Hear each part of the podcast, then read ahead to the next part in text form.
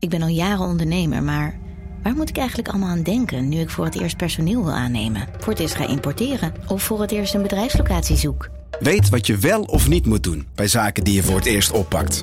Check kvk.nl voor praktische stappenplannen. KVK, hou vast voor ondernemers. Hey podcastluisteraar. Ook op zoek naar een relevante invulling van je schaarse luisteruren? Tune dan in op de podcastserie ESG, even samengevat van BNP Paribas.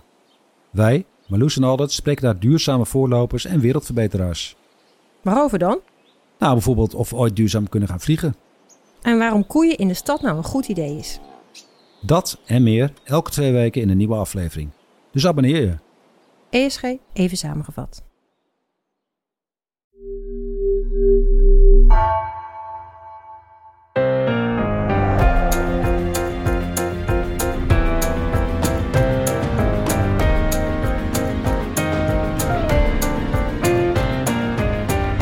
Dit is Haagse Zaken van NRC. Mijn naam is Lemja Aharoy.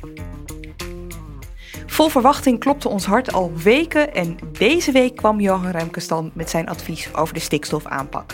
Een ruime maand later dan gepland en in dezelfde week werd de nieuwe minister van Landbouw beëdigd, Piet Adema van de ChristenUnie. Die neemt het stokje over van Corona Schouten van de ChristenUnie, die het stokje tijdelijk had overgenomen nadat Henk Staghouwer van de ChristenUnie begin september opstapte. In deze aflevering van Haagse Zaken hoor je over het advies van Jan Remkes en over welke politieke keuzes er nu gemaakt moeten worden. En je hoort meer over de man die de boeren aan tafel zal moeten proberen te houden. En dat doe ik met bij mij in de studio Filip de Witwijnen en Eppo Keunig. Welkom allebei. Hallo. Uh, jullie waren daar afgelopen woensdag ook allebei bij hier in Nieuwsport, het nieuwe mm. Nieuwsport in het uh, Tweede Kamergebouw. Hoe was dat? Nou, het was eigenlijk voor mij de drugsbezochte persconferentie die ik ooit heb meegemaakt hier in Den Haag. Het was echt stampvol. Het nieuwe, ehm, ja, en, en, ik denk voor mij wel de grootste zaal van het nieuwe nieuwsport, maar afgeladen vol. Met vooral veel journalisten, heel veel cameraploegen, maar ook heel veel niet-journalisten. er oh liepen uh, Kamerleden rond, er liepen mensen van de boerenorganisaties rond. Ook, ik zag ook veel mensen die zijn overigens wel journalisten van de, van de vakpers. Die zie ik ook bij het uh, onderwerp als het over uh, de agrarische sector gaat. Wel interessant, hè? Want normaal zitten er alleen maar journalisten bij zo'n persconferentie. Maar dit keer kwamen dus meer mensen op de eerste rang meekijken. Inderdaad, Kamerleden heb ik gezien. En natuurlijk de ministers die het rapport in ontvangst namen, naast meneer Remkes. Het was voor ons ook een beetje stressen zo'n ochtend hè, als journalisten, want er is een deadline en er is een embargo. Nou, wij hadden het rapport gelukkig iets eerder kunnen krijgen. Dus we hebben eerder een nieuwsbericht kunnen brengen dan het rapport vrijkomt. Dat is heel leuk, maar betekent ook dat je enorm moet haasten. Dus vanochtend is ook een beetje hectisch. Ja, dit is even goed om uit te leggen. Want uh, journalisten kregen sowieso volgens mij een uur van tevoren het rapport om in te zien. Maar uh, eh, NRC had het al nog eerder, hè? Ja, om 12 uur zou iedereen die daar was in Nieuwsport het krijgen. Om 13 uur verloopt dan het embargo. Dus mag iedereen publiceren. En zou de persconferentie ook beginnen. Wij kregen het eerder in handen in de loop van de ochtend. En wilden dus per se voor 12 uur een bericht op onze website hebben. Om te laten zien van, hé, hey, we hebben het via andere wegen gekregen. En dit is het nieuws. Ja. Waarom is dat belangrijk? Ik, ik kan me voorstellen dat er nu mensen luisteren en denken, wat maken die paar minuten nou uit? Dat is eigenlijk een goede vraag. Maar tegelijkertijd is nieuws het bloed van de krant, van een medium. Ja. En weet het als eerste brengen. Ja, en je, we hadden iets langer tijd om het rustig door te lezen. Dus we waren beter voorbereid ook op de persconferentie. En um, dan zitten jullie daar. Uh, die persconferentie die begint dus om, uh, om één uur. Wat, wat, waar letten jullie dan op? Nou, wat, wat hier spannend van was, het was een persconferentie die live op televisie werd uitgezonden. Dus het was helemaal ook geregisseerd door de nou, niet, niet, door de NOS, maar de we moesten wachten tot de NOS klaar was voordat, voordat Remkes kon beginnen. De ministers uh, waren te laat. Die waren, althans niet te laat, maar die waren als laatste naar binnen. Dus het was allemaal heel spannend qua timing. En ik had me voorgenomen om te luisteren naar de, naar de toon van Remkes. Ik had het rapport al gelezen, dus ik wist al wat erin stond. En iets preciezer zijn toon, waar was je dan naar op zoek? Waar, waar was je nieuwsgierig naar? Kijk, hij wil zichzelf geen bemiddelaar noemen, maar hij heeft natuurlijk wel een probleem proberen op te lossen. Dus dan ben je een soort van bemiddelaar. Mhm. En in de toon van een verhaal kun je afleiden wie hij verwijten maakt en wie hij uh, een hart onder de riem wil steken. En jij, Eppo? Nou, wat sowieso opviel is dat Remkes daar dan staat met heel veel gezag. Hij is om die rol natuurlijk ook gekozen als bemiddelaar. Het was heel grappig, hij was acht minuten te vroeg en ging al achter dat katheder staan. hij wilde eigenlijk al beginnen en zei, uh, ik heb ministers nodig. Toen moest hij nog even wachten. Maar hij spreekt daar met gezag. Iedereen luistert naar hem. Het was ook spannend om te zien hoe de nieuwe minister van Landbouw, Piet Adema, hoe die het zou gaan doen. Want die moest het rapport in ontvangst nemen. Dus naar dat soort dingen kijk je Ja. en luister. Ja, en waar ik ook naar keek, eh, eh, we zeiden al, er waren wat Kamerleden. Caroline van der Plas was er. Die schoof vrij snel aan links in de zaal. eh stond ze aan de kant van de, tegen een muurtje Mhm. aangeleund. En ik zat heel erg naar haar, op haar te letten, naar haar gezicht. Of ze het met Remkes eens was of juist niet. Laten we eerst even luisteren naar die toon waar jij Ja. het net over had. Een paar fragmenten. Hoewel wetsovertreding en intimidatie altijd afgekeurd moeten worden, ben ik geschrokken van de oprechte wanhoop die in de ogen van redelijke mensen te zien is. Dat daar heftige emoties uit volgen, begrijp ik heel goed. Er is geen boer te vinden die niet om de natuur geeft. Dat wordt in discussies te vaak vergeten. Ten tweede wil ik ook stilstaan bij het feit dat er nog een breder sentiment speelt, wat moeilijk onder woorden te brengen is. Ik doe toch een oprechte poging. Zeker op het platteland wordt ervaren dat men op veel onderwerpen moet opdraaien voor opvattingen en culturele onderstromen die vooral in stedelijke gebieden leven. De agrarische sector, die natuurlijk in feite uit vele verschillende vormen van landbouw bestaat, heeft de afgelopen jaren te maken gehad met zwalkend en soms falend beleid. Wat mij opvalt is, hij gaat heel nadrukkelijk naast de boeren staan. Hè? Dus eh, stel je hebt het kabinet aan één kant en de boeren aan de andere kant en die staan tegenover elkaar. Dan kiest hij heel nadrukkelijk, ik ga naast die boeren staan. In het rapport staat het eigenlijk allebei. In het rapport staat, ik denk dat het kabinet en de boeren allebei niet blij zullen zijn met dit rapport, want er staan moeilijke dingen in. Maar in zijn presentatie en eigenlijk toch ook over de hele lijn gaat hij inderdaad naast de boeren staan. En het is ook nodig geweest om die boeren weer aan tafel te krijgen. Ja. Om met ze te praten, om ze nu mee eh, in het vervolg te krijgen. Dus dat is een bewuste keuze, denk ik, van Remper. Ja, hij vertolkt ook wat die boeren al een tijdje zeggen, namelijk met dit beleid kunnen we niks. Want de ene, het ene moment moeten we dit en het andere moment moeten we dat. Nou, hij, hij maakt er dan zwalkend beleid van. Dat zeker, en dat is al decennia aan de gang. En het tweede is, eh, wat de, boeren en ook eh, het platteland het algemeen frustreert, is dat het beleid van bovenaf door Den Haag wordt opgelegd. Dus hij zat ook heel erg over die maatschappelijke culturele kloof tussen eh, stad en platteland, randstad en platteland eh, te spreken. En door het aan te geven, eh, liet hij eigenlijk Ja. de Haagse plannenmakers weten, hou rekening met de mensen voor wie je het beleid maakt. Probeer met hen te praten als je wetgeving maakt. Hij sprak zich ook uit over een ander heikel punt, dat die boeren al een hele tijd heel boos maakt. Ja, in de politieke discussie die ook gepolariseerd is, is eh, D66 een partij die heel erg fel heeft gestreden voor een strenge stikstofaanpak om de natuur eh, weer eh, te herstellen en te beschermen. En woordvoerder Tjeerd de Groot in de Tweede Kamer, die heeft daarin al sinds 2019 een heel veel standpunten ingenomen. Dat is een, bijna een one-liner geworden. De veestapel moet gehalveerd. En dit zegt Remkes daarover. Halveren eh, komt niet in mijn jargon voor. En ik vind het, laat ik ook dat er nog bij zeggen. Eh, ik, ik krijg wel eens een beetje de indruk dat dat eh, ook een soort geloofsartikel eh, is geworden. En juist van een partij die het pragmatisme hoog, hoog in het vaandel heeft, ben ik niet gewend om geloofsartikelen voorgehouden te krijgen. Ik vind dat ook buitengewoon onverstandig en onnodig polariserend. En nog dezelfde dag ging Floor Bremer van de RTL Nieuws, die ging naar Tjeerd de Groot toe, namelijk de man die eh, was begonnen over halvering eh, van de veestapel. En wat er toen gebeurde, ik, laten we er eerst even Ja. naar luisteren, dan wil ik jullie reacties horen. Jullie hebben dit overigens nog niet gehoord Nee. als we dit eh, luisteren. U kreeg ook nog een sneer, want hij zei ja, eh, oproepen tot halveren van de veestapel werkt alleen maar polariserend, onnodig. Nou ja, onze inzet is natuurlijk eh, bekend. En eh, fijn dat we nu, eh, Remkes zelfs ook zegt de, eh, dat de veestapel kleiner Maar moet. dat is niet wat hij zei. Hij zei het is onnodig polariserend om dat de hele tijd te roepen. Nou, wanneer heeft u het voor het laatst gehoord? Nou, u, het was uw punt, toch? U heeft het de hele tijd herhaald, ook bij de boeren. Onze inzet is inderdaad bekend. En, Maar u zegt het nu niet meer. Nee, nee, nu niet. Maar kijk, je werkt van stap, dag tot dag werk je eh, aan eh, de uitvoering van een coalitieakkoord. We hebben een afspraak gemaakt om daarin eh, eh, nou ja, verder te gaan. Het Remkes-effect. Ja, hij durft het niet meer te zeggen. En hij verwijst trouwens ook naar het regeerakkoord, maar daarin staat niet, we moeten de veestapel halveren, we moeten de stikstofuitstoot halveren.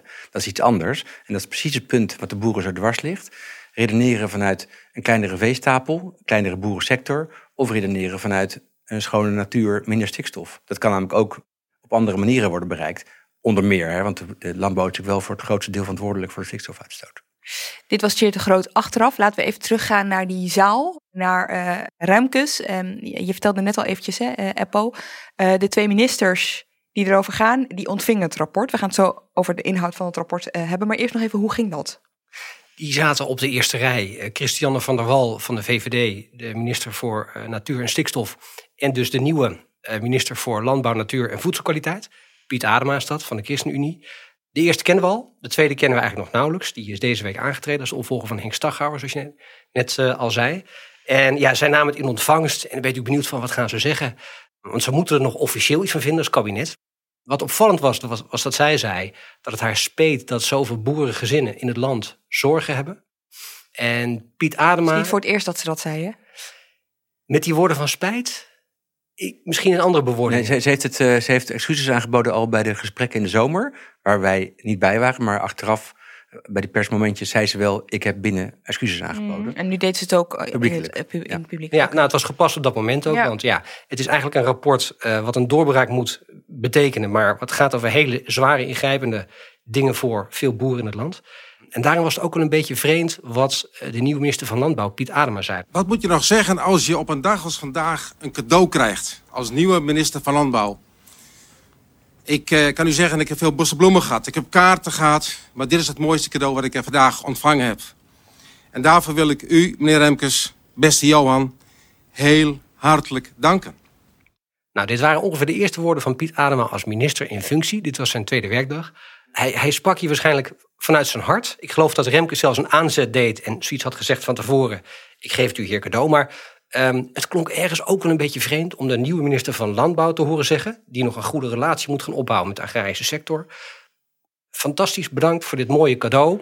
Wat in feite erop neerkomt dat de hele landbouwsector een grote transformatie moet gaan doormaken. Dat vele boeren zullen moeten gaan stoppen. Een pijnlijk rapport. Ja, misschien zat het bedanken er wel in dat Piet Adema vanaf nu steeds kan zeggen: Het is niet mijn idee. Johan Remkes zei het de hele tijd. Ja, precies. Komt van Remkes. Ja, Van der Wal kreeg het rapport ook aangeboden. Er zijn natuurlijk twee ministers verantwoordelijk voor, dit, uh, voor deze grote klus: de stikstofreductie en de transitie van de landbouw. Ja, zo gaat het dan. Hoe gaat het dan? Dan kreeg je ze de rapport aangeboden, fotomomentje. En ze hielden uh, beide kort het woord. En Van der Wal die zei ook uiteraard uh, heel aardig blij te zijn met het rapport. Maar had nog geen inhoudelijke reactie. Die bewaart ze, hadden ze kennelijk van tevoren al bedacht, tot volgende week vrijdag. Komende vrijdag, 14 oktober, na de, de ministerraad, zullen ze het erover hebben. Uh, dus dan gaan we dat, dat horen. Dat, dat aangeeft dat ze het rapport niet van tevoren hebben gelezen. Dat vind ik misschien, dat is misschien wel zo zuiver. Maar op één punt was het wel eens. Het omstreden stikstofkaartje, waar Remkes ook al verschillende maanden, maar zeker nu ook een grote sneer naar heeft gegeven. En ik besef me dat die duidelijkheid die je dan moet geven, ook tot heel veel zorgen, onrust, onzekerheid en emoties voor heel veel boeren in al die gebieden leidt. En ik besef me ook hoe erg dat is. En dat spijt me ook. Helemaal omdat dat ook in combinatie is met een gebrek aan perspectief. Daarom denk ik ook dat het een heel goed advies is om de kaart van tafel te halen en te kijken naar nieuwe kaarten op een ander abstractieniveau. Er gebeurt eigenlijk een hele hoop in dit korte fragment. Je nou? hoort minister Van der Wal zeggen... Um, ik begrijp dat het voor boeren moeilijk is om pijnlijke stikstofmaatregelen te moeten aanhoren... terwijl ze nog geen perspectief hebben. Nou, dat kun je bijna aanhoren als een sneer naar de afgetreden minister Staghouwer... die het niet zo goed deed, omdat hij de boeren geen perspectief heeft kunnen bieden. Dat lukte niet. Dat was eigenlijk zijn struikelpunt. Ja. Tegelijkertijd geeft ze Remkes gelijk en zegt ze... goed idee om dat stikstofkaartje van mij van tafel te halen... En eigenlijk bewijst Remkes haar in zekere zin daarmee in dienst. Want dat stikstofkaartje was ongeveer symbool geworden voor uh, alle stikstofboosheid in het land. Dat gaf, uh, toen het in juni naar buiten kwam, heel gedetailleerd weer in allerlei kleurtjes. waar hoeveel stikstof verlaagd zou moeten worden. Dus iedere boer kon ongeveer met een vergrootglas kijken. Uh, is mijn akkertje veilig of niet? En er is heel veel kritiek gekomen. Ze had er ook al lang afstand van genomen. Het hele kabinet had er inmiddels afstand van genomen. Eigenlijk had heel het land er ja. afstand van genomen. Dus dat Remkes nu kon zeggen, dat stikstofkaartje moet van tafel. Dat vonden de boeren natuurlijk fantastisch om te horen. Maar het was de facto eigenlijk al een beetje gebeurd. En aan de andere kant is het ook nog niet van tafel. Want de onderliggende stikstofdoelen, die blijven in feite overeind. Dus er zullen misschien andere kaartjes gaan komen. Minder gedetailleerd zoals Remkes zelf adviseert. Maar die doelen die onderliggend zijn, ja, die zijn er nog. Dus de kaartjes worden anders, maar uh, de doelen die behaald moeten. Uh... Toen zij die op 10 juni het, het, kaartje presenteerde, toen heeft ze er steeds bij gezegd: het, is, het zijn geen vaste definitieve percentages, het zijn indicatieve getallen. Zeker. Uh, dus ze heeft steeds gezegd: het werd, het werd alleen verkeerd begrepen. En ze heeft in de zomer inderdaad excuses aangeboden bij die gesprekken achter de schermen met Remkes aan de boeren. En toen is er ook gevraagd, is daarmee het kaartje van tafel? En toen zei ze nee. Het kaartje, zei ze bijna op, op zijn Johan Cruijffs, het kaartje is niet van tafel, want het kaartje is er. Dat kunnen we niet meer van tafel halen. Het kaartje viel niet uit de lucht. Het kaartje is uiteindelijk uh, een, een, schakel geweest in heel veel schakels uh, daarvoor. We hebben het hier vaker gehad over het stikstofprobleem. We hebben het ook al gehad over de zomer hè, uh, met de boerenprotesten. Maar het is denk ik toch goed om de aanbevelingen van Remkes te kunnen begrijpen. Om weer even kort die context erbij te pakken. Waar gaat dat ook weer over, dit stikstofprobleem? Om het heel kort samen te vatten, en eigenlijk doet Remkes dat heel goed in zijn rapport. We hebben sinds medio jaren negentig aangewezen natuurgebieden in Nederland volgens de Habitatrichtlijn uit Brussel. We hebben er ruim 160 en die gebieden moeten we beschermen. Dat zijn de Natura 2000 gebieden. De Natura 2000 gebieden, ja. En die omvatten ongeveer 14% van het grondoppervlak van Nederland. Er komt te veel stikstof in die gebieden neer. En dat schaadt de natuur. In ongeveer 90 van die 160 natuurgebieden hebben we daarom een stikstofprobleem. Van die stikstof is ongeveer 40% afkomstig van de landbouw, 10% van vervoer, 10% van industrie, 5% komt van zee en de rest, 35%, komt uit het buitenland. Maar Nederland is netto een exporteur van stikstof. We exporteren meer dan er binnenkomt. En dat is met exporteren en, en importeren, dat is gewoon via de lucht. Dus daar heb je weinig. Ja, via de lucht. Er zijn geen grenzen, geen grenscontroles. Ja, dat, eh, dat gaat gewoon. Ja.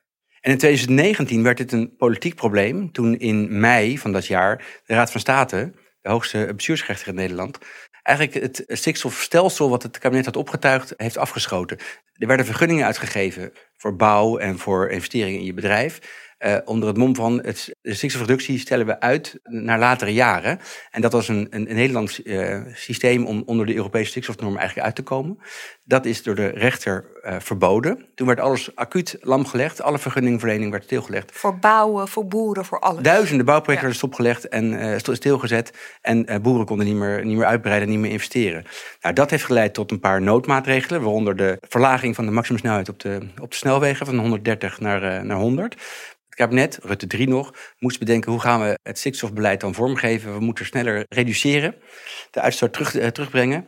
Hoe gaan we dat bedenken? Hé, hey, wacht eens even. We bellen Johan Remkes. Toen is Johan Remkes de eerste. Koning Johan Remkes de eerste is uh, opgeroepen om uh, stikstofbeleid te bedenken. Hij heeft toen in een kloek rapport opgeschreven hoe dat zou moeten. En hij kwam met die doelstelling, die later in het regeerakkoord van Rutte 4 terecht is gekomen. We halveren de uitstoot in 2030. En dat was een versnelling ten opzichte van wat er in de toenmalige stikstofwet al stond, namelijk 2035. En de uh, titel van het rapport was, even onthouden, niet alles kan overal. Precies, die, houden, die onthouden we even. En dit rapport heet Wat wel kan. Precies, dit is echt een soort, soort van. Uh, hij heeft erover nagedacht. Uh, hij heeft over de titels nagedacht, zeg maar. Met een droogkleuterig humor waar ik wel, die ik wel kan waarderen. Maar na dat eerste rapport, wat gebeurde er toen? Toen kwamen er al veel grote uh, protesten. We hebben al toen in 2019, 2020 grote tractorenprotesten hier in Den Haag op het Malieveld gehad. Dat ze met, het, uh, met z'n allen over het strand reden om Den Haag toch binnen te komen, wat eigenlijk niet mocht. Het land was in verzet. In ieder geval de boerenstand was in verzet. Werd gesteund door uh, veel uh, mensen uit het platteland. En ook wel door veel politieke partijen. Eigenlijk heeft het huidige kabinet, Rutte 4, na vele jaren van uitstellen, de stikstofproblematiek pas echt goed opgepakt. En die ook strenger gemaakt door te zeggen: we gaan niet in 2035, maar al in 2030 de uitstoot halveren. Daarna is dat grote protest gekomen, tot aan hooibalen op de snelweg, uh, boerentractorenprotest voor het huis van minister Van der Wal. En toen liep het deze zomer vast. En toen is Remkes opnieuw erbij gehaald. Ja, want het kabinet was niet meer in staat om met de boerenorganisaties te praten. Je hebt het grote LTO Nederland. De vertegenwoordiger is van 30.000 leden. Maar je hebt ook wat kleinere boerenorganisaties die wat radicaler zijn. De, Farmers Defence Force en je hebt de Agractie. Die, dat waren de grote, uh, de organisaties achter de grote protesten. Die wilden niet meer eigenlijk met de, de overheid, met het Rijk, met het departement praten. En toen heeft, ik denk, weer wederom premier Rutte zijn oude vriend Johan Remkes gebeld. Die ook vorig jaar al de formatie heeft moeten voltrekken. Hij is echt een beetje de brandweerman van, uh, van Rutte als hij grote bestuurlijke problemen heeft. En toen is aan Johan Remkes gevraagd, zou jij uh, het gesprek weer op gang kunnen brengen tussen de boeren Ja. en Den Haag? Nou hebben we je hier daar al eerder over geho- gehoord. We zetten eh, die aflevering kun je nog even terugluisteren, zetten we in de show notes. Maar wat ik nog wel interessant vind is, wij hoorden jou toen over die zomer en eh, al die gesprekken die hij heeft gevoerd. Maar nu komen we er eigenlijk achter dat toen het een beetje verdween uit het nieuws, Johan Remkes stug is doorgegaan met mensen blijven spreken. Ja, hij heeft sowieso eh, de klus veel ehm, langer uitgevoerd dan hem lief was. Hij wilde eigenlijk in augustus klaar zijn met een paar gespreksrondes. Hij kreeg eerst natuurlijk de boeren niet aan tafel. Hij kreeg de supermarkt niet aan tafel. Hij kreeg de, de, de slachterijen niet aan tafel. En hij is uiteindelijk eind augustus was het laatste gesprek. Toen kwamen die boeren overigens wel praten. Toen zou hij zeggen, nou, ik ga nu een paar weken de tijd nemen om mijn eh, eindverslag te maken. Maar achter de schermen, daar kwamen we pas afgelopen woensdag achter, is hij veel verder gegaan. Heeft hij nog 60 extra gesprekken gevoerd met allerlei bedrijven, sectoren, organisaties. Waaronder ook die bedrijven die eerst niet wilden gaan praten. Eh, dus dat is buitengewoon eh, nou ja, eh, eh, slim, listig en knap geweest. En hij heeft ook inhoudelijk, is hij daarmee veel verder gegaan dan zijn opdracht. Namelijk de, de partijen weer aan tafel krijgen om het gesprek op gang te krijgen. Hij heeft een vrij inhoudelijk rapport geschreven met oplossingen om het gesprek gaande te houden tussen de politiek en, en, en de boeren. Maar ook, nou ja, wat Henk Staghouwer had nagelaten, die overigens begin september was afgetreden, om wat schetsen te geven over hoe kun je de boeren in de toekomst perspectief geven in die transitie. En de veelgehoorde kritiek de afgelopen tijd was wel, oké, Remkes is nu bezig met iets. Staghouwer is afgetreden. Is Remkes niet aan het doen Ja. wat eigenlijk het kabinet zou moeten doen? Hebben ze niet gewoon nou ja, hun eigen werk gedetacheerd? Ja, hij liet het zelf ook wel blijken afgelopen woensdag. Ik geloof wel dat hij, dat hij er schik in had, maar hij zei wat ik er eigenlijk, wat ik aan opdracht heb opgepakt, eh, verdraagt zich eigenlijk niet met wat hij noemt de bestuurlijk, de politiek bestuurlijke verantwoordelijkheden van het kabinet. Met andere woorden, die- ik zit jullie werk te doen. Ja, nou ja, en dan gaan we het nu eindelijk hebben over wat dat dan heeft opgeleverd. Wat de inhoud is van dat rapport. Eppo, eh, jij hebt het denk ik inmiddels 26 keer gelezen. 27. 27. Ehm, wat valt je op? Wat is de belangrijkste inhoud? Het is een vrij losjes opgeschreven rapport van Remkes, waarin alles heel rustig op een rijtje zet. Hij is sowieso gek op lijstjes, die man. Eh, er zitten 25 aanbevelingen in, maar nog veel me- meer rijtjes. En ik heb ze een keer geturfd. Er staan 17 genummerde rijtjes in, met wensen of perspectieven of boodschappen. En dat is nog los van de lijstjes die niet genummerd zijn. Dus het is één grote lijstjesverzameling. Er zit een stukje geschiedenis in, een stukje feiten, zijn aanbevelingen en een vooruitblik naar de toekomst. Drie dingen vielen eigenlijk direct op, als nieuws ook. Dat is dat advies van Remkes om 500 tot 600 grote vervuilers, ofwel piekbelasters, binnen één jaar uit te kopen. Vooral die deadline van één jaar van Remkes, die is nieuw. Die piekbelasters niet. Het vasthouden aan de kabinetsafspraak om in 2030 de stikstofuitstoot te halveren, daar houdt hij aan vast. Die opdracht had hij ook meegekregen van tevoren. Maar wat Remkes wel adviseert is, kijk nou in 2025 en 2028 of je het haalt of niet.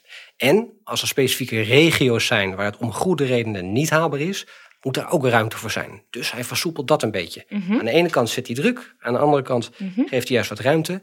En een derde ding, wat toch wat nieuw was, is dat hij een langjarig perspectief schetst van dit ene jaar, dit eerste jaar, uitkopen van die piekbelasters. Dan tot 2030 in acht jaar die stikstofuitstoot halveren. En dan komt eigenlijk pas daarna de grote transformatie van de landbouw. De omslag naar duurzame landbouw in ongeveer 15 jaar of langer. Dus hij heeft een soort tijdspad uitge, uitgezet. Hij heeft eigenlijk al een beetje toekomstperspectief Ja. geschetst... waar Piet Adema invulling aan kan gaan geven. Nog Ja. iets wat hij extra heeft. Nou ja, daarom was Adema er blij mee en beschouwde het als een cadeau. Wat mij opviel bij de persconferentie, er zaten mensen naast mij, waaronder eh, Eppo en ook onze collega Martin Kuiper, die de landbouw al jaren volgt. En die zei, en Remkes bevestigde het ook, er stonden ook heel veel dingen in die Remkes lang had opgeschreven in dat eerdere rapport. Waarvan hij eigenlijk zei, daar heeft Den Haag nooit iets mee gedaan. Dus het is, het is, nou, er zitten nieuwe elementen in en zeker een nieuwe toon. Maar ook veel eh, aanbevelingen die al lang eh, bekend zijn in Den Haag, maar die nooit zijn uitgevoerd. Ja, want jij noemt nu de drie belangrijkste eh, nieuwspunten eruit, zal ik maar zeggen. Maar het zijn uiteindelijk 25 eh, aanbevelingen. Ik, zullen we er iets dieper op ingaan? Een van de onderwerpen die meteen een eigen leven ging leiden, zou je wel kunnen zeggen, is het uitkopen van boeren. Hoe dat precies zit. Ja, dat is ambitieus om binnen één jaar eh 5 tot 600 van die grootste stikstofvervuilers. Dat zijn trouwens niet alleen boeren, er zitten ook bedrijven tussen, Mhm. dus niet boerenbedrijven, om die uit te kopen. Remkes zegt daarbij nadrukkelijk, eh, liefst vrijwillig. Misschien is ook een en ander mogelijk, mogelijk met innovatie of met extensieve landbouw of veeteelt. Dus met meer grond en minder vee. Als je ze uitkoopt, moet daar de meest gunstige regeling voor getroffen worden. En ja, als het dan binnen een jaar nog niet lukt, dan moeten er verplichtende maatregelen komen. Dus dan kom je automatisch uit op dwang.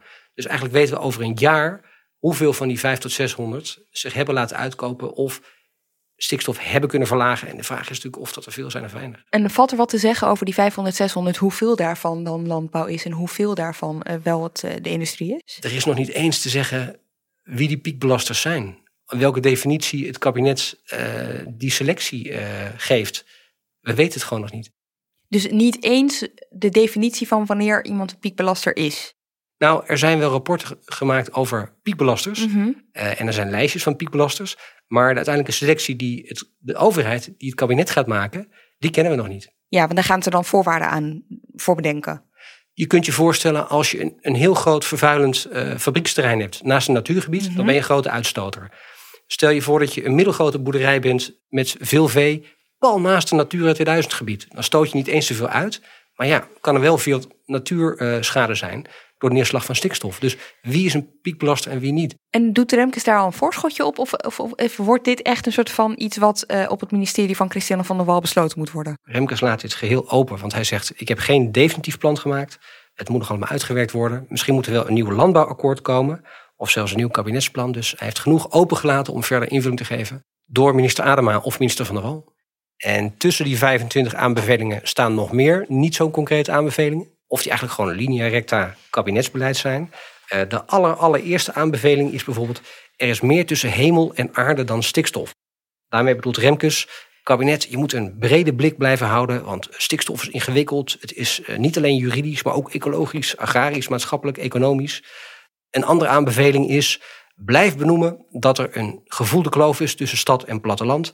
En probeer daar een aanpak voor te verzinnen. Nou, dat is best moeilijk. Hè? Je kunt die kloof moeilijk opvullen.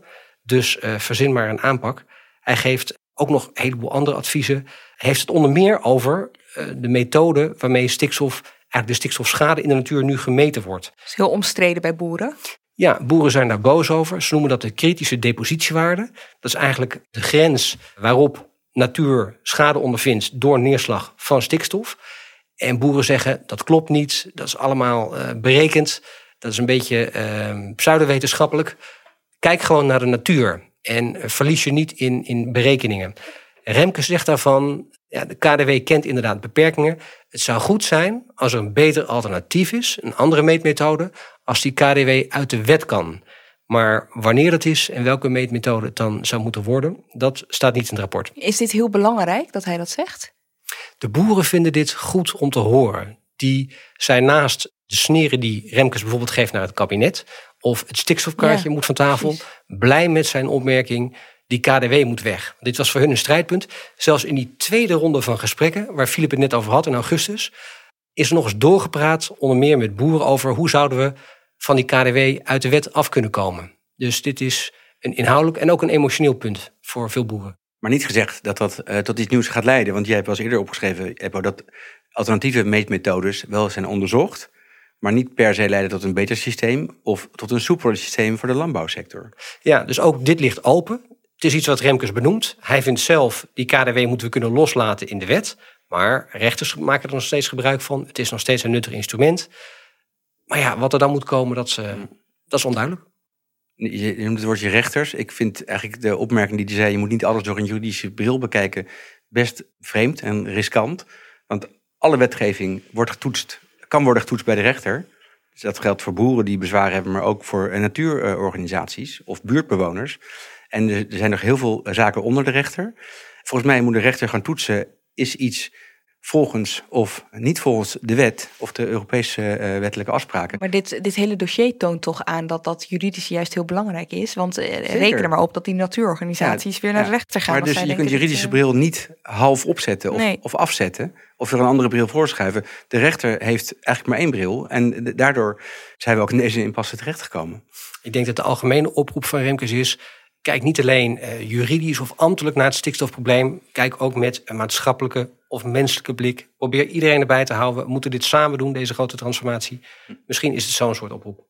Hey, en laten we even naar de reacties gaan. De politieke reacties, uh, om daar maar eens even mee uh, te beginnen. Het viel mij op dat iedereen hier heel erg tevreden mee was. Dat, wat, uitzonderingen, wat uitzonderingen daar gelaten, maar zeg maar van GroenLinks tot en met BBB. Ja, dat, was, ik vond het echt ongelooflijk. Want na, de, nou ja, na verschillende gesprekken in de zomer waren er altijd wel verschillende soorten reacties. Mensen waren blij met Remkes, hij had het goed gedaan. Andere mensen waren boos, niet op Remkes, maar op het kabinet, want die wilde niet bewegen.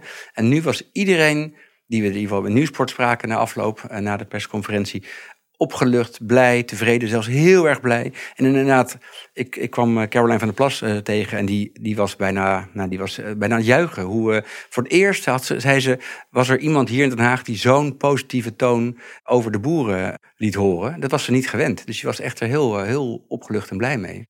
Ik zat er dus over na te denken. Kijk, hij, Remkes houdt echt ontzettend vast aan de doelen van het kabinet. Maar tegelijkertijd is hij ontzettend, we, hadden het net al over, echt naast de boeren gaan staan. Hij heeft het over de kloven en hij heeft het over hoe moeilijk het voor boeren is geweest. Zit het hem daar dan in? Ja, in die zin heeft Remkes het heel knap gedaan. Hij is op pad gestuurd door het kabinet als onafhankelijk gespreksleider.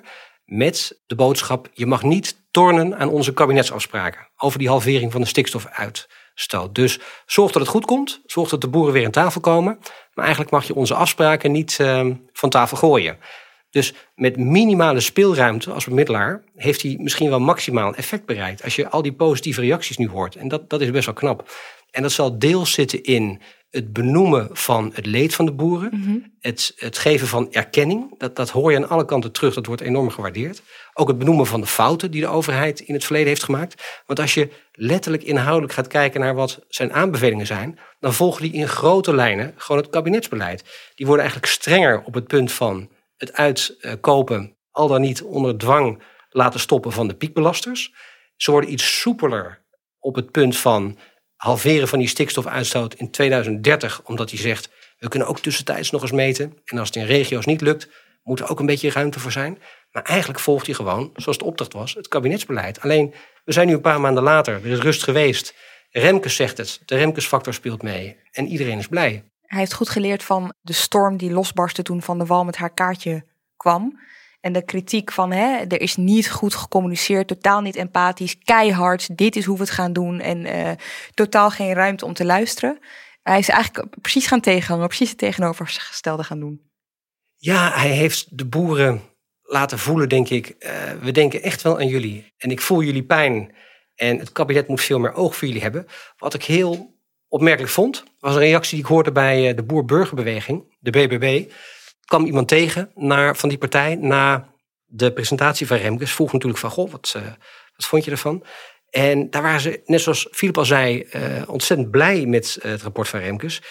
En als je dan vraagt, maar wat staat er dan werkelijk in aan aanbevelingen, aan wensen die eigenlijk het kabinetsbeleid volgen, waar jullie zo blij mee zijn? En het was het antwoord, ja, technocratisch bereiken we er misschien niets mee, maar menselijk alles. Want we zijn gehoord. En bij BBB speelt nog iets interessants mee. En dat is de factor tijd. Want dit is een voorlopig advies eigenlijk van Remkes. Althans, het is geen definitief plan. Het moet nog uitgewerkt worden. Nou, dat gaat misschien nog maanden duren. In maart hebben we over zes maanden alweer de provinciale statenverkiezingen. De kans is er dat de BBB flink gaat winnen, in de provincies groot wordt, een plek krijgt in de Eerste Kamer. Nou, daarna moeten nog eens de provinciale statendoelstellingen vastgesteld worden voor stikstof. En moet het hele programma eigenlijk vastgesteld worden. Dus we zitten dan in een andere wereld. Dus voor een partij als de BBB is zo'n rapport van Remkes en het tijdsverloop wat daarna nog gaat komen ook weer tijdswinst. Zij hebben, zij hebben er belang bij dat de uitwerking door het kabinet nog wel eventjes op zich laat wachten. Daar komt het op neer. Waarbij uh, opvallend ook woensdagmiddag uh, Jesse Klaver meteen reageerde met... dit is zo'n goed rapport, hier moet het kabinet niet te lang over nadenken. Huppakee, strik je erom en, uh, en uitvoeren. Ja, dan moet je even heel precies zijn, want eh, er was zeg maar het on-the-record deel en het was het deel van een livestream uh, die doorbleef uh, lopen en waar je hem iets meer hoorde ja, zeggen. Ja, hij zei dit in een interview, gehad met het, met het AD. Mm -hmm. En de camera stond nog aan en ook de geluidsband. Toen riep hij, ging hij nog even napraten met die journalisten. En, de, en toen zei hij er nog het leek iets... erop dat de cameraman was vergeten buiten te Ja, precies. En toen zei hij er nog iets bij. Dat was uh, aanmerkelijk uh, badinerender. Hij zei, de boeren hebben nog niet eens door uh, wat erin staat, hoe erg het is. En voor ze het doorhebben, moet het kabinet snel hier, hier beleid van gaan maken. Ja, en dat werd een klein relletje, want dat gingen mensen delen op sociale media. Ja, en toen moest Klaver het weer, nou niet nuanceren, maar zeggen dat hij nog steeds vond dat het goed beleid was wat snel moet worden uitgevoerd. Maar uh, het was wel een, uh, nou, niet de slip of de tong, maar het was niet de bedoeling dat dat in de, in de, nee. in de lucht kwam. En overigens nog een uh, interessante reactie op, op BBB. Kijk, BBB is enthousiast. Die heeft het in zekere zin nu al omarmd. Een politieke concurrent van de boer-burgerbeweging is, is Forum voor Democratie op rechts in de Tweede Kamer. En die sprongen er meteen op in. Die, die zeiden, ik moet eventjes het tweetje erbij pakken wat die middag kwam. Uh, sinds de persconferentie van Remkes is Van der Plas, van BBB, helemaal om. Ze noemt zijn rapport waarin staat dat boeren moeten worden onteigend veelbelovend. Een groter verraad is ondenkbaar. Dus Forum probeert hier de rol van de hoeder van de boeren over te nemen van Van, van der Plas. En dan is even de vraag, wie proberen zij te bereiken? Want wat waren de reacties van boerenorganisaties? Die reacties waren gemengd, hangt er vanaf aan wie het vraagt. Uh, Sjaak van der Tak van LTO Nederland, die is kritisch over het plicht laten stoppen van die piekbelasters binnen een jaar. Maar over het geheel was hij best positief mm -hmm. en afwachtend. Spreek je uh, een meer radicale vleugel als de Farmers Defence Force, dan hoor je Mark van de Oever, de voorman daarvan, zeggen: Nou, als dat doorgaat met die piekbelasters, dan, uh, dan hoor je nog van ons. Dus die reacties zijn verschillend, afhankelijk van het gematigde karakter of het meer radicale karakter van de boerenorganisatie. Maar dus eh, niet per se zo positief enthousiast als Caroline van der Plas was van de boerburgerbeweging.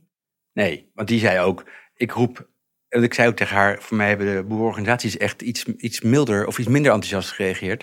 En zij zei, laten we nou onze uh, interne uh, oneenigheid binnen kamers houden en laten we vooral met het kabinet uh, of met het departement gaan doorpraten. Mm -hmm. die riep op tot dialoog. Dus dat was inderdaad een verzoenender toon dan, de, dan sommige boerenorganisaties. Oké, okay, dat is het advies. Maar ja, de politieke besluiten door het kabinet moeten nog genomen worden, Filip. En jij zei al helemaal aan het begin dat punt van 2030. Uh, de deadline, die deadline voor de stikstofreductie nu in acht jaar tijd halveren of uh, nemen langere tijd. Dat klopt. En dat was natuurlijk op scherp gezet afgelopen zomer, half augustus, door uh, CDA-leider Bobke Hoekstra, minister van Buitenlandse Zaken, maar eigenlijk vooral ook partijleider van zijn, uh, van zijn partij. CDA in zwaar weer, verliest uh, electoraat in peilingen aan bijvoorbeeld de BBB. En hij zei toen, we moeten die deadline van 2030 niet langer heilig verklaren. Dat zette uh, de, nou ja, de, de, de spanning op de coalitie enorm hoog. Hoe zeg je dat? Op scherp. Op scherp. En zette ook het proces Remkes onder druk. Want Remkes was nog bezig. Die moest die vrijdag mm -hmm. van de ministerraad ook nog uh, weer gespreksgronden aangaan. Dus het was echt een heel uh, lastig moment. Om, toen hij dat riep, was echt lastig voor de coalitie. Ze kregen grote ruzie in die, in die ministerraadsvergadering van die vrijdag. Sigrid Kaag was in Binnenskamer zelfs begonnen over... ben jij nog wel te vertrouwen? Ik mis het vertrouwen. Van der Wal, de VVD-minister voor stikstof, die zei: Wacht even, ik voer uh, het uh, kabinetsbeleid uit, het coalitieakkoord dat jij hebt onderhandeld, Wopke. En uh, nu ga jij mij afvallen, ga jij die, die afspraak aanvallen. Dus dat was heel lastig. We waren heel benieuwd, want iedereen zei ook: We wachten wel op Remkes voordat we die ruzie gaan uitvechten. Hoe zou Remkes met die deadline, met dat moment van 2030 omgaan? En daar heeft hij iets slims voor bedacht. Ik heb de suggestie ook wel eens horen klinken vanuit een biologische boerenorganisatie. De oplossing van Remkes is als volgt. We houden volgens nog vast aan de deadline van 2030. Maar we zetten twee eikmomenten er uh, neer van tevoren in 2025 en in 2028. En dan gaan we kijken uh, of 2030 een haalbare deadline is. Je zou kunnen zeggen, Wopke Hoekstra heeft hier echt politiek gewicht aan gegeven, hè, ja. aan, aan, aan die deadline. En dan gaan we luisteren naar Remkes en let op de woorden die hij gebruikt als hij ja. hier uitleg over geeft. Tegelijk is een deadline op korte termijn noodzakelijk voor snel begin. Daarom vind ik het verstandig om vooralsnog vast te houden aan 2030 en de gestelde doelstelling. Ik constateer wel dat onder de voorwaarden van daadwerkelijk natuurherstel niemand aan het onmogelijke gehouden kan worden. In 2025 en 2028 moet bepaald worden of er redenen zijn om nuanceringen op het tijdpad aan te brengen. Hij noemt het verstandig om vooralsnog vast te houden aan 2030. Ja. Dat woordje vooralsnog, dat is eigenlijk het geitenpaadje voor het CDA. Nou, ik, ja, omdat het kabinet moet erover beslissen nog. Maar ik denk vooral eigenlijk dat die twee evaluatiemomenten vooraf eigenlijk... dat dat een uit, uitweg kan zijn. Want stel je voor dat dat dan blijkt in 25 of 28 dat 30 niet haalbaar is, dan kun je nog zeggen we wijken af, we hebben meer tijd nodig voor sommige gebieden. Dat is precies wat Hoekstra zei. En hij hoeft dus nu nog niet te zeggen, ik heb ongelijk gekregen of ik heb gelijk gekregen. Ja. Hoekstra zelf noemde in een eerste reactie woensdagmiddag dat hij aanknopingspunten zag in, het, in de tekst van Remkes.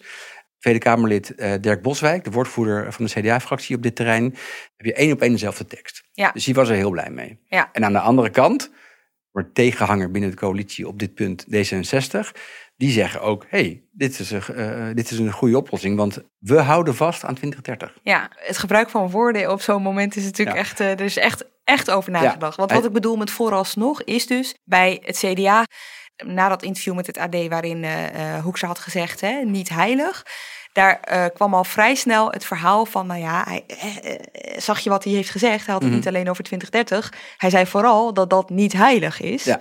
Alleen de andere kant daarvan is dat je bij CDA-ers, vooral in de provincies en agrarische gebieden, wel degelijk hoorde. Nee, hij heeft gezegd 2030. Ja. Dat hoeft niet. Dus ik heb uh, ten tijde van deze opname nog niet echt uh, door wat de reacties binnen het CDA zijn. Maar het is wel interessant of dit Hoekstra een mogelijkheid biedt om dat uit te leggen ja, aan zijn achterban. Ik, ik, denk dat ze makkelijk kunnen zeggen, ook voor Remkes is 2030 niet heilig. Want er is dus een mogelijkheid ja. om straks te kijken of het nog wel realistisch is. Maar nog twee dingen.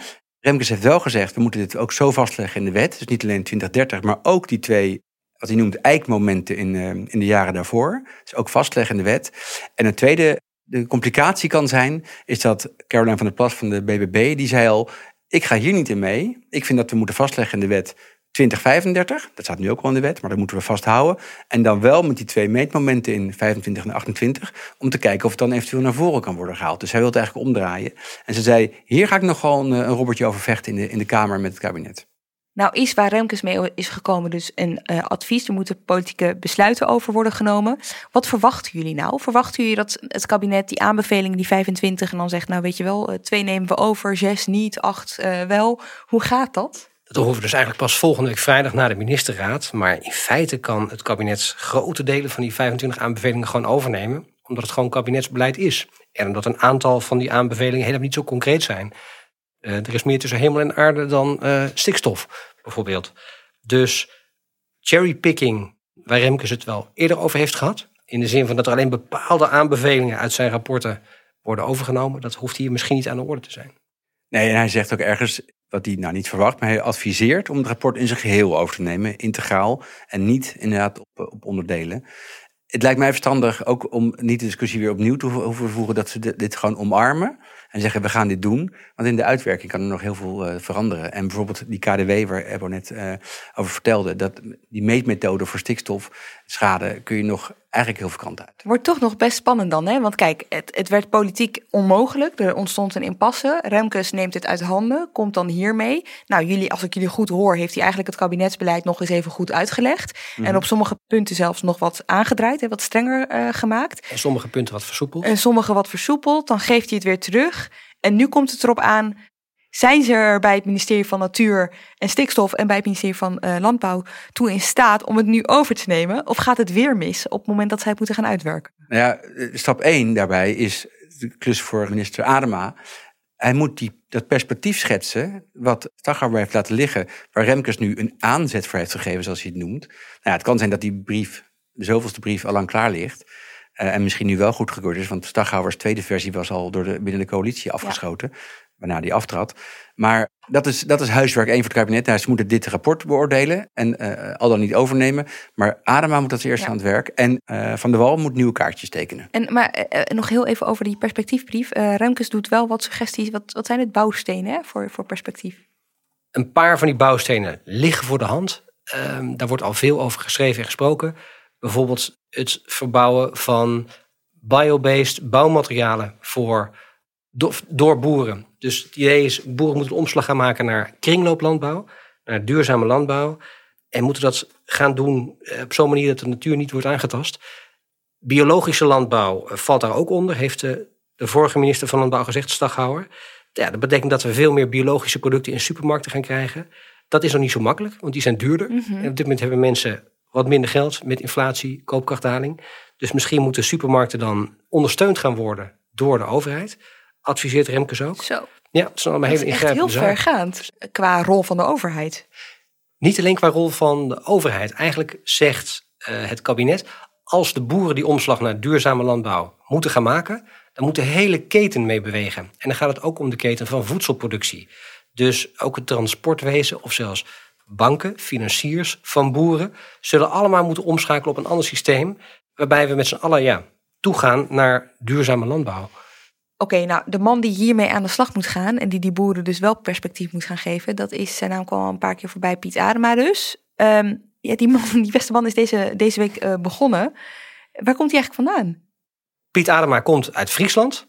Dat was een van zijn overwegingen om wel of niet minister te gaan worden hier in Den Haag, want dat is best wel ver. Hij heeft ook lang met zijn vrouw en familie uh, overlegd, moet ik dit wel doen in deze tijd, met een hoop boerenprotest. Hij heeft een hele brede cv. Hij was eerder gedeputeerde in Friesland met de portefeuille verkeer, vervoer, milieu. Hij heeft bij een branchevereniging voor bouwers gewerkt, bij Volker Wessels. Commissariaat heeft hij gehad.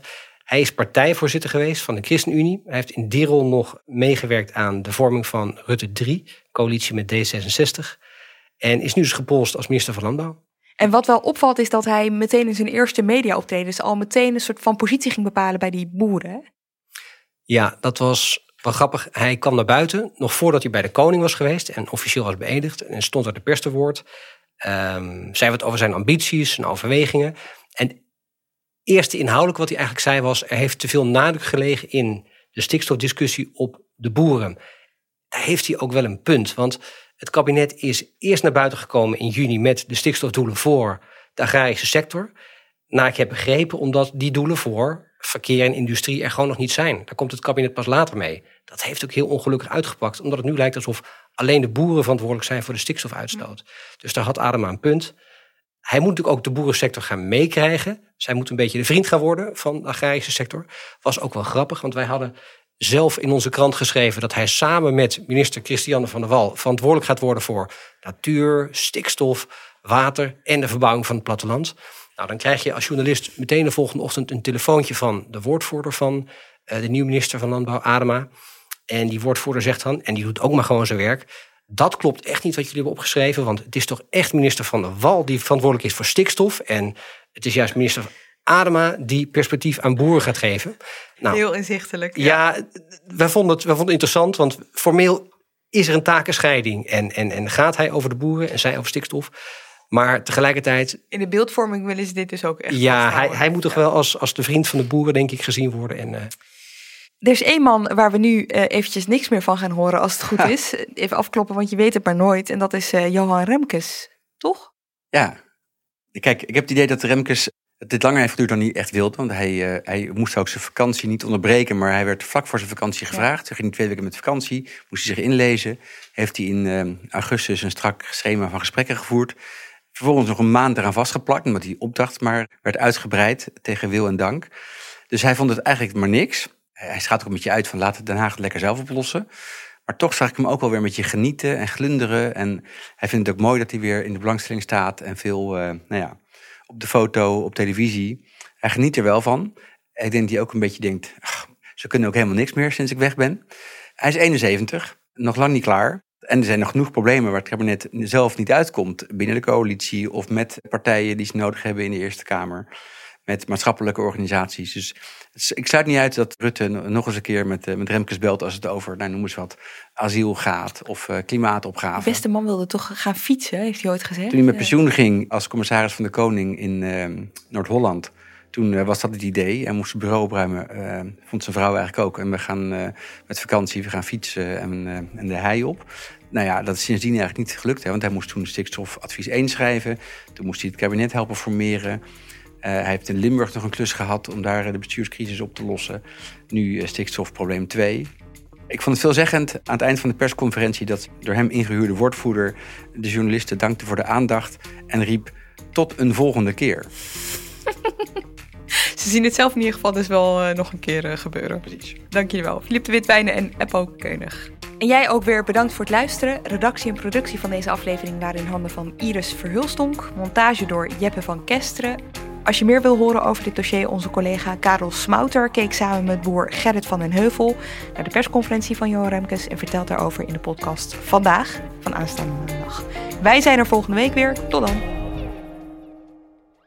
Technologie lijkt tegenwoordig het antwoord op iedere uitdaging.